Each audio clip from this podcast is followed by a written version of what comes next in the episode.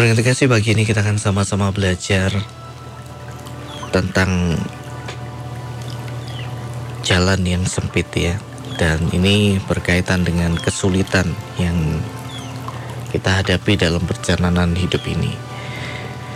Ya, nats kita mendengar kasih pagi ini ada di dalam Matius pasal yang ke-7 ayat 13 sampai yang ke-14. Di sini dituliskan, Masuklah melalui pintu yang sesak itu karena lebarlah pintu dan luaslah jalan yang menuju kepada kebinasaan dan banyak orang yang masuk melaluinya. Karena sesaklah pintu dan sempitlah jalan yang menuju kepada kehidupan dan sedikit orang yang mendapatinya. Ya, pendengar kasih, masuklah melalui pintu yang sesak ya, pintu yang sempit. Nah, jadi jalan menuju kehidupan bukanlah jalan yang mudah mereka sih, tetapi pintunya sempit ya.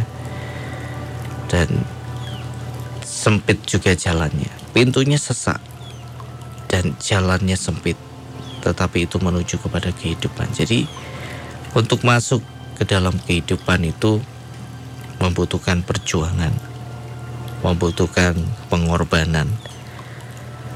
Ya, merelakan diri untuk terhimpit, kasih.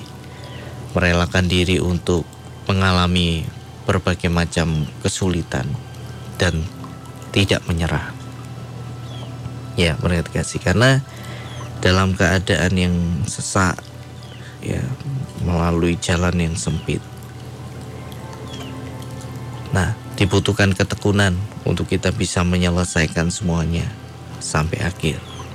Nah, banyak kasih orang yang pertama-tama bisa bertahan dengan sempitnya jalan ini.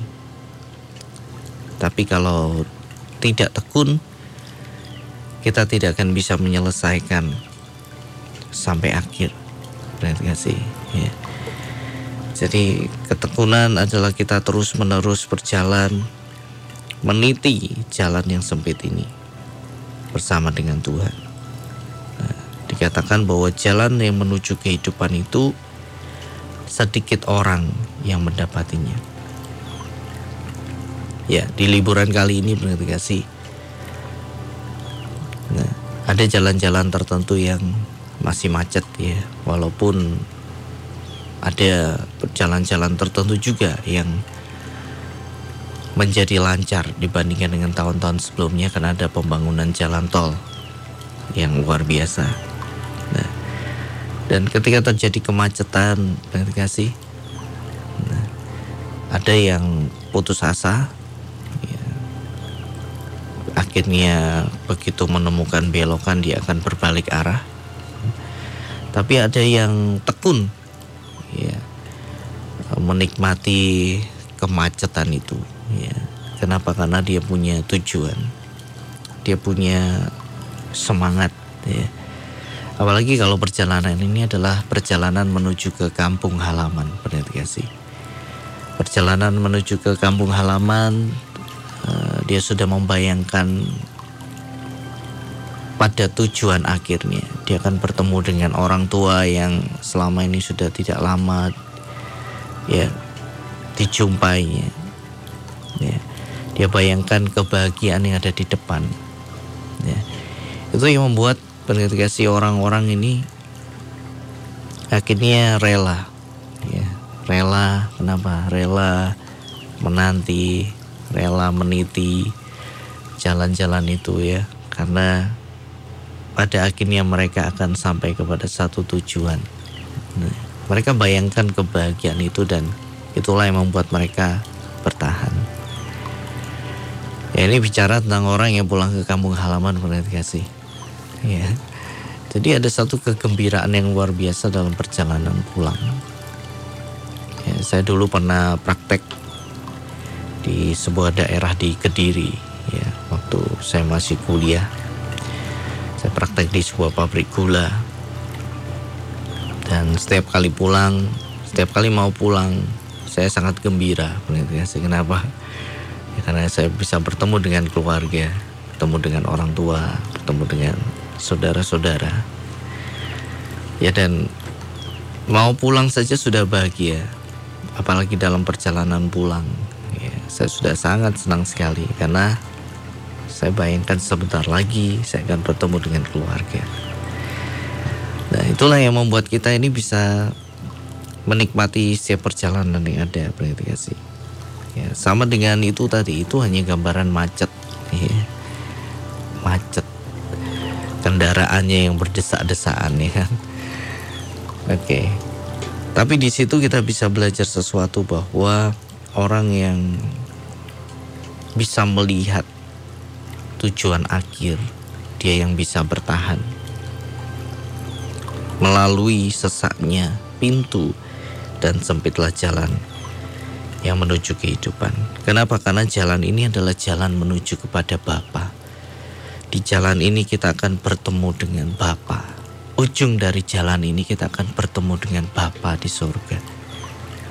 Kalau kita bayangkan tujuan akhirnya kasih, maka kita akan bisa bertahan melalui sesaknya pintu dan sempitnya jalan ini. Kenapa? Karena kita bayangkan nanti saya akan bertemu Bapa di surga.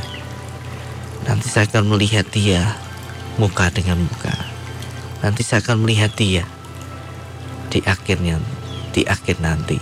Dari itu yang memberi kita semangat untuk terus berjalan di jalan yang menuju kepada kehidupan ini. Sangat sedikit orang yang mendapatinya. Kenapa? Karena orang mulai lupa melihat gambaran akhirnya bahwa ujung dari perjalanan yang sesak ini adalah berjumpa dengan Bapa di sorga. Ketika orang mulai kehilangan gambaran itu, maka dia akan berbelok. Dia akan tempuh jalan yang luas, jalan yang tanpa tekanan ya, jalan yang tanpa himpitan, jalan yang tanpa pembentukan. Dia akan lewati jalan yang luas. Seperti kebanyakan orang. Karena dia sudah kehilangan gambaran di depan. Pendengar kasih, mari kita memilih jalan yang sempit. Dan pintunya sesak. Untuk masuk saja sudah sesak ini, ya. Melalui jalan ini juga luar biasa. Tapi sekali lagi, Mari kita pandang ya, tujuan akhir dari semua ini apa. Sama seperti orang yang perjalanan mudik tadi, mereka sudah bayangkan Oh betapa orang tua menyambut mereka Oh betapa orang tua sudah menyiapkan masakan Oh betapa orang tua sudah menyiapkan rumah ya. Oh betapa orang tua sudah membersihkan rumah ya Mempersiapkan tempat tidur untuk anaknya yang datang untuk beristirahat itu adalah satu gambaran yang sangat indah pendengar kasih. Ya, ketika kita mulai membayangkan itu, maka kita akan menjadi kuat nah, dan ingin menyelesaikan perjalanan ini. Nah, dalam hidup ini kasih kita tidak lepas dari yang namanya kesulitan, dari yang namanya himpitan. Ya, tetapi itu adalah satu proses untuk membawa kita menjadi sempurna. Jalan yang sempit bukan hanya tujuannya untuk menyesakkan kita, tapi jalan yang sempit adalah untuk menyempurnakan kita. Jalan yang sempit itu membentuk kita untuk menjadi sempurna. Benar kasihnya. Jadi jalan yang sempit itu bukan untuk menyakiti kita, tetapi jalan yang sempit ini sebenarnya adalah untuk membentuk kita. Membentuk kita menjadi sempurna dan di akhir perjalanan kita akan menjadi disempurnakan di dalam Tuhan. Ya, berapa hari ini saya diingatkan tentang ilustrasi sebuah peristiwa perubahan ulat menjadi kupu-kupu. Ketika ulat berubah menjadi kupu-kupu, dia harus melewati suatu proses yang menyakitkan berarti Nah, pada suatu hari ada seorang yang memperhatikan sebuah kepompong. Kepompong itu adalah ulat yang berpuasa ya. Dan dia siap berubah bentuk menjadi kupu-kupu, dia akan berpuasa di dalam kepompong itu untuk beberapa waktu lamanya. Ada seorang pria yang memperhatikan kepompong ini.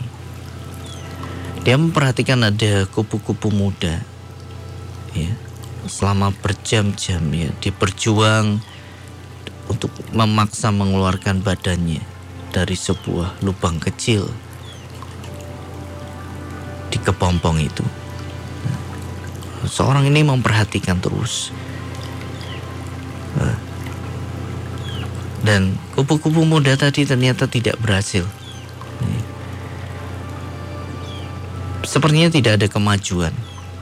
Ya dan kelihatannya sudah banyak tenaga yang dikeluarkan oleh kupu-kupu muda ini untuk berusaha keluar dari kepompong itu lewat lubang yang kecil.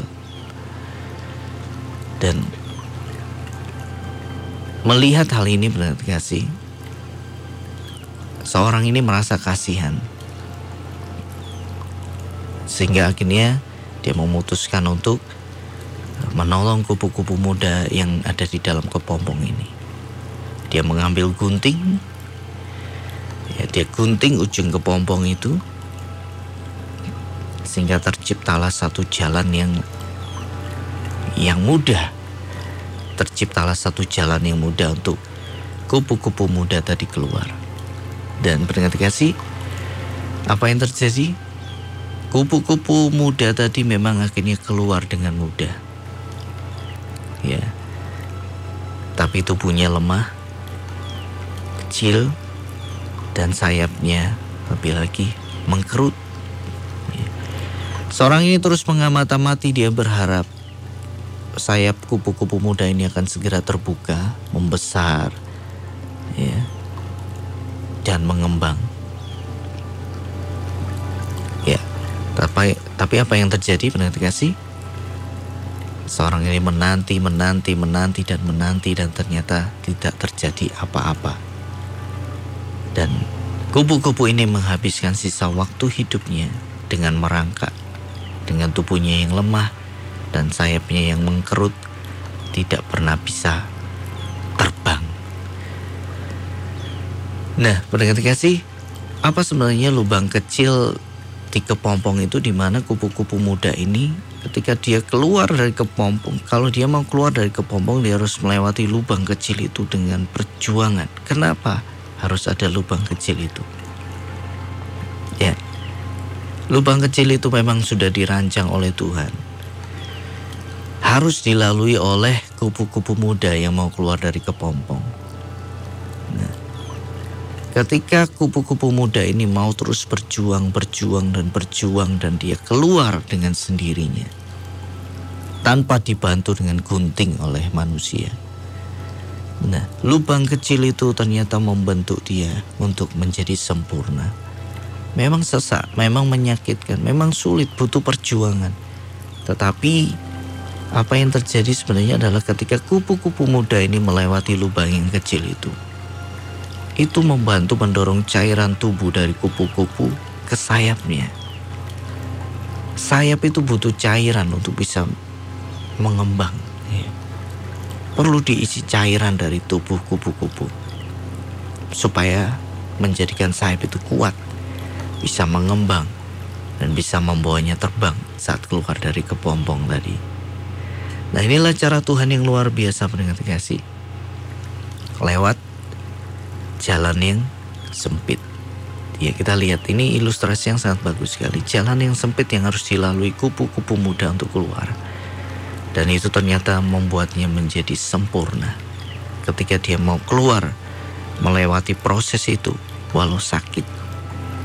Jadi, lubang kecil di kepompong itu bukan untuk menyakiti kupu-kupu muda di dalam yang mau keluar, bukan untuk menghalangi, tapi untuk membentuk dia menjadi sempurna. Dia bisa terbang dan menjadi indah, kasih. Ya, kalau kita lihat kupu-kupu kan kita lihat indahnya sayapnya, ya kan. Tubuhnya kadang kita tidak lihat kadang kita tidak terlalu perhatikan. Yang kita perhatikan dari kupu-kupu sering kali waktu dia terbang adalah keindahan sayapnya. Keindahan sayapnya. Dan itu lahir dari sebuah proses yang tidak mudah. Nah, seperti itulah Tuhan melihat hidup kita dengan kasih. Ya. Tuhan kadangkala kita anggap diam dalam kesulitan yang kita lalui. Ya kan? Tapi ya, itulah cara Tuhan. Ya, Tuhan sudah merancang kesulitan itu untuk menyempurnakan hidup kita. Jadi ya sama ketika kita tidak menolong ulat keluar dari kupu-kupu karena kita tahu bahwa kalau kita tolong ya maka dia keluar tidak sempurna. Seperti itulah ketika kita berpikir bahwa Tuhan sedang diam melihat saya dalam kesulitan, seakan Tuhan diam. Kenapa Tuhan seakan diam, pendengar kasih?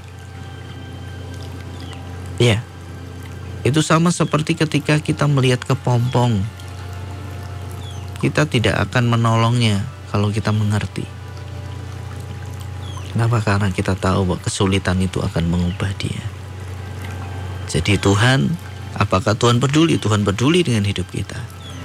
Dalam kesulitan perjalanan yang kita lalui, Tuhan peduli. Tuhan melihat kita. Tuhan melihat kita berjuang berusaha keluar. Ya. Tuhan melewat, Tuhan melihat kita melalui jalan yang sempit itu. Tuhan melihat semuanya. Ya, yang bisa Tuhan lakukan adalah memberi kekuatan memberi kekuatan, memberi kekuatan. Tapi dia tidak akan memberi kita kemudahan. Supaya apa? Supaya kita keluar dan sempurna.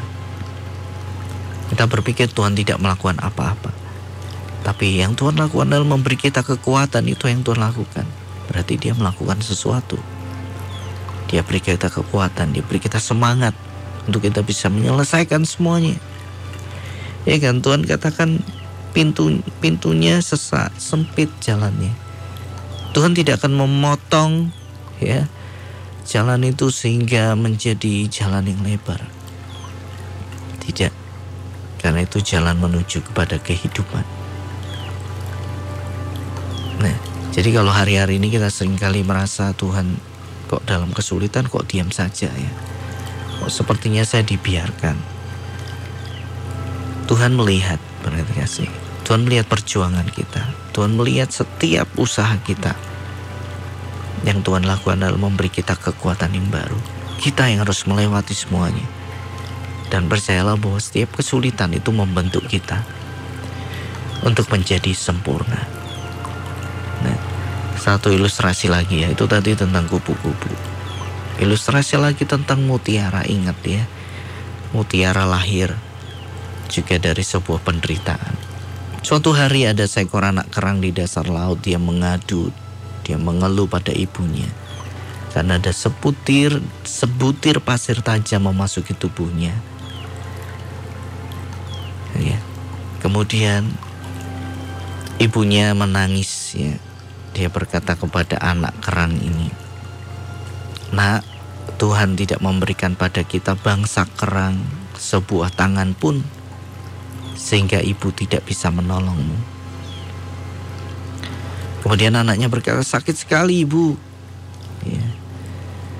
Ibunya menjawab, aku tahu anakku, tapi terimalah itu sebagai satu proses. Kuatkan hatimu, ya, kerahkan semangatmu melawan rasa ngilu dan nyeri yang ada di dalam dirimu. Kerahkan semangatmu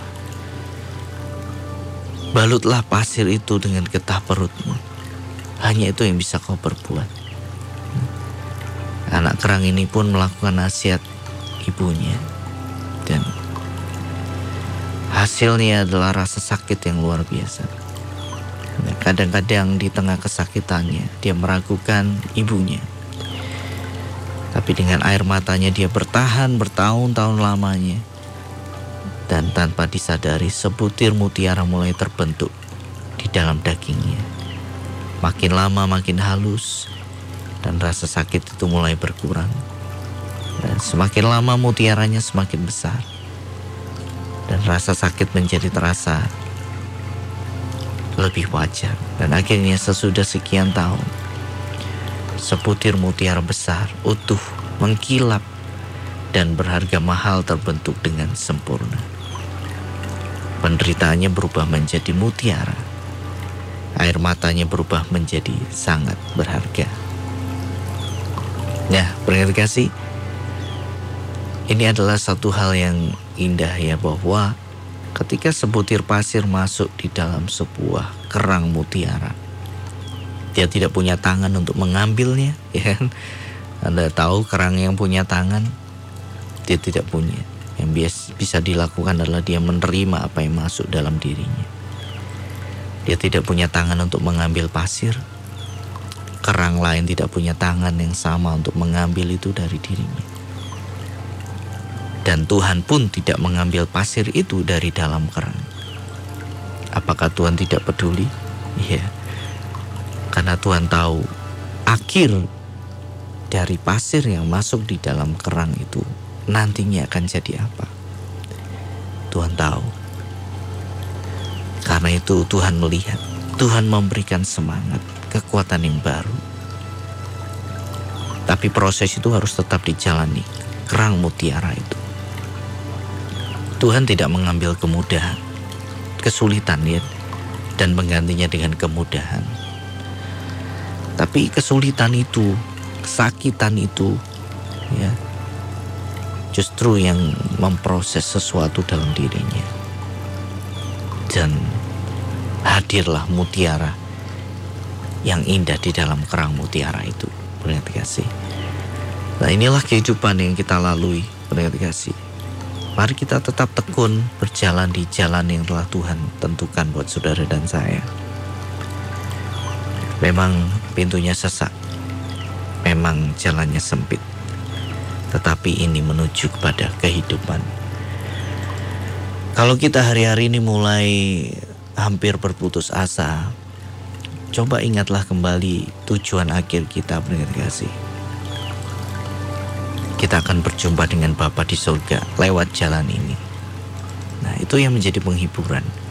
Itu yang akan membangkitkan kekuatan kita